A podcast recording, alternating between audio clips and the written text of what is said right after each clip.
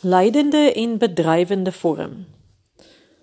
Kom ons dink net gou 'n bietjie aan die twee woorde, leidend en bedrywend. Bedrywend laat my amper dink aan die woord bedryf. En die stam uh dryf beteken om vorentoe te gaan of te beweeg of aan te gaan en bedryf is amper wat jy met 'n besigheid doen. So dis aktief, dis nou, dis in die oomblik. Ehm um, en dis maar presies wat bedrywende vorm ook is.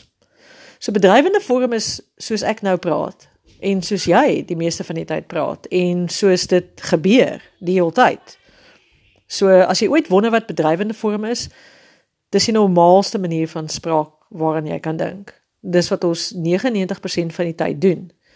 Leidend is die een wat effens anders is. So leidend is iets wat jy miskien in 'n koerant sal kry. Ehm um, dit leidend en bedrywend het niks te doen met direkte en indirekte rede of enigiets van daai aard nie. So vee dit net heeltemal uit jou kop uit. Dis iets heeltemal anders. En die belangrikste ding wat jy moet onthou is en dis nou net 'n storie. Dis nie feitelik nie, is net vir jou om te probeer onthou.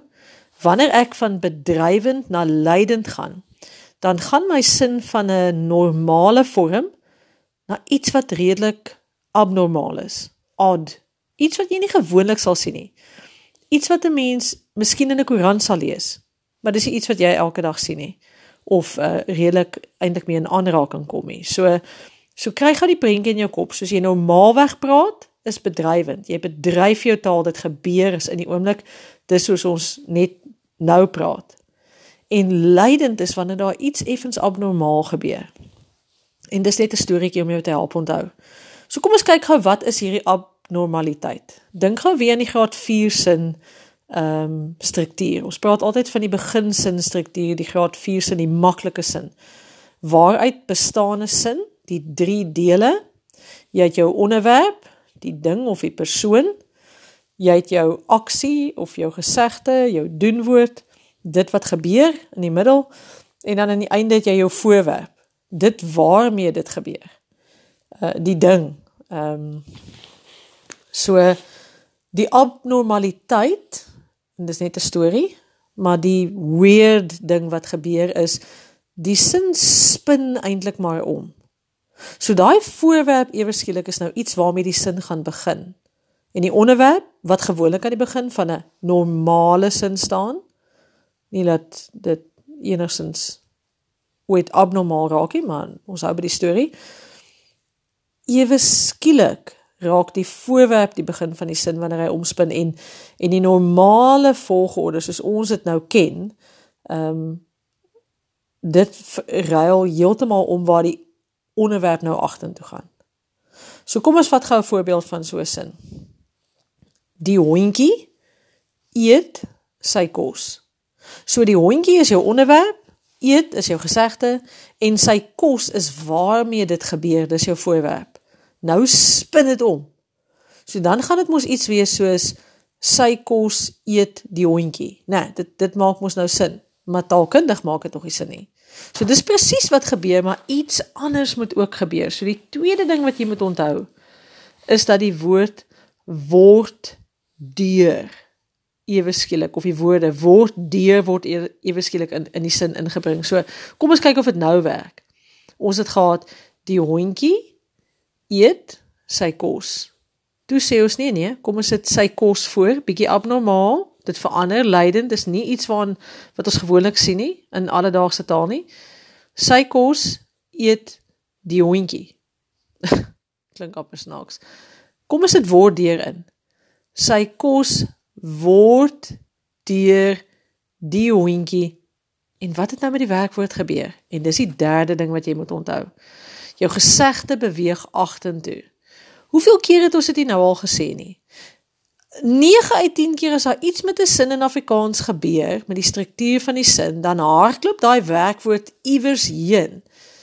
Altyd, altyd dit gebeur almekaar jy kan dit amper al verwag. Die oomblik wat jy aan die struktuur van die sin karring, dan skiet daai werkwoord in 'n rigting en dis gewoonlik agtertoe. So, sommer net 'n interessante ding. 'n Bietjie anders met voegwoorde. Uh net 'n interessante feit. Voegwoorde het mos nou verskillende groepe en een van daai groepe trek daai werkwoord na die middel toe. Maar ons sal daarby uitkom. So, kom ons som dit op. Drie dinge wat jy moet onthou. Voor dit, eerstens, bedrywend is normaal as 'n mens 'n storie daaroor kan opmaak.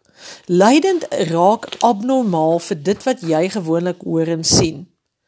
So dis iets wat jy nie alledaags ehm um, gaan lees in 'n storie of struktuur van 'n sin wat jy gaan sien nie. Bedrywend is soos ons nou ons taal bedryf en praat en en dit klink redelik normaal. Kom ons kyk na die drie reëls of die drie dinge wat jy moet onthou. Die gewone struktuur, as daar iets soos gewoon was, die gewone struktuur van 'n sin is onderwerp, gesegde, voorwerp. Wat gebeur in lydende vorm? Die sin swaai om. Hy twist om. En jou voorwerp is voor en jou onderwerp is agter. Maar hy gaan nie heeltemal sin maak nie, né? So daar moet iets gebeur. Word deur kom in jou sin in. En die derde ding wat gebeur, as ons karring aan 'n sin, wat hardloop agtertoe? Jou werkwoord. En het jy gehoor hy kry ge? So kom ons wat weer die hondjie sin. Die hondjie eet sy kos. Sy kos word deur of jy kan ook sê die kos word deur die hondjie geëet. Het jy gehoor daar kom 'n ge by? Het dit iets met verlede tyd te doen?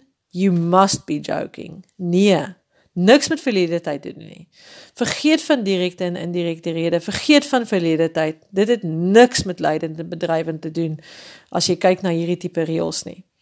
Goed. So, ons som kortliks op en dan gaan ek nog twee goed noem en dan is ons klaar. Bedrywend is soos jy normaal meeste van die tyd taal ervaar. En as daar iets soos abnormaal was, dan sou dit lydend gewees het. En dis net 'n storie. Dis nie reëls nie. Kom ons kyk na die drie reëls. Ehm um, 'n sin bestaan uit drie hoofdele, jou gewone ehm um, algemene sin, onderwerp, gesegde voorwerp in lydende vorm swaai dit om. Voorwerp kom eerste, onderwerp gaan laaste. Gaan nie taalkundig sin maak nie. Sit word en deur in die voorwerp word deur die onderwerp en wat gebeur laaste? Werkwoord hardloop agtertoe en dan word dit ek weet nie geëet of gespeel of wat ook al. En die ge het niks met die tyd te doen nie. So dis lydend en bedrywend in 'n neutedop en wat my betref moet hulle eintlik die, um, die opskrif andersom sê. Bedrywend en lydend Want bedrywend is normaal en dis wat jy baie sien en dis gewoonlik wat jy eers sien. En lydend is iets wat wat gewoonlik later gebeur. Wanneer daar 'n storie oor geskryf word in 'n koerant of wat ook al so. Ag, is net 'n bietjie uh puntenerig. Goed, twee dinge wat ek gesê het ek wil nog noem. Die tyd van lydend en bedrywend kan natuurlik verander. So kyk net in jou boek op bladsy 92. Ehm um, dit vat dit 'n bietjie verder en dit wys dat word deur kan verander na is deur en sal deur. So daar gebeur niks anders nie. Basies, basies in 'n net dit op. Let net daarop dat word deur in die teenwoordige tyd is. Is deur is in die verlede tyd en sal deur gaan in die toekomende tyd wees. So is net in 'n net dit op. Dis vir my so belangrikie. Daai eerste drie reël drie reëls is heel belangrikste. So swaai jou sin om sit word hierin. Hardloop agtertoe met die werkwoord. Gekom by, dit het niks met tyd te doen nie. Good luck, ons gesels volgende keer weer.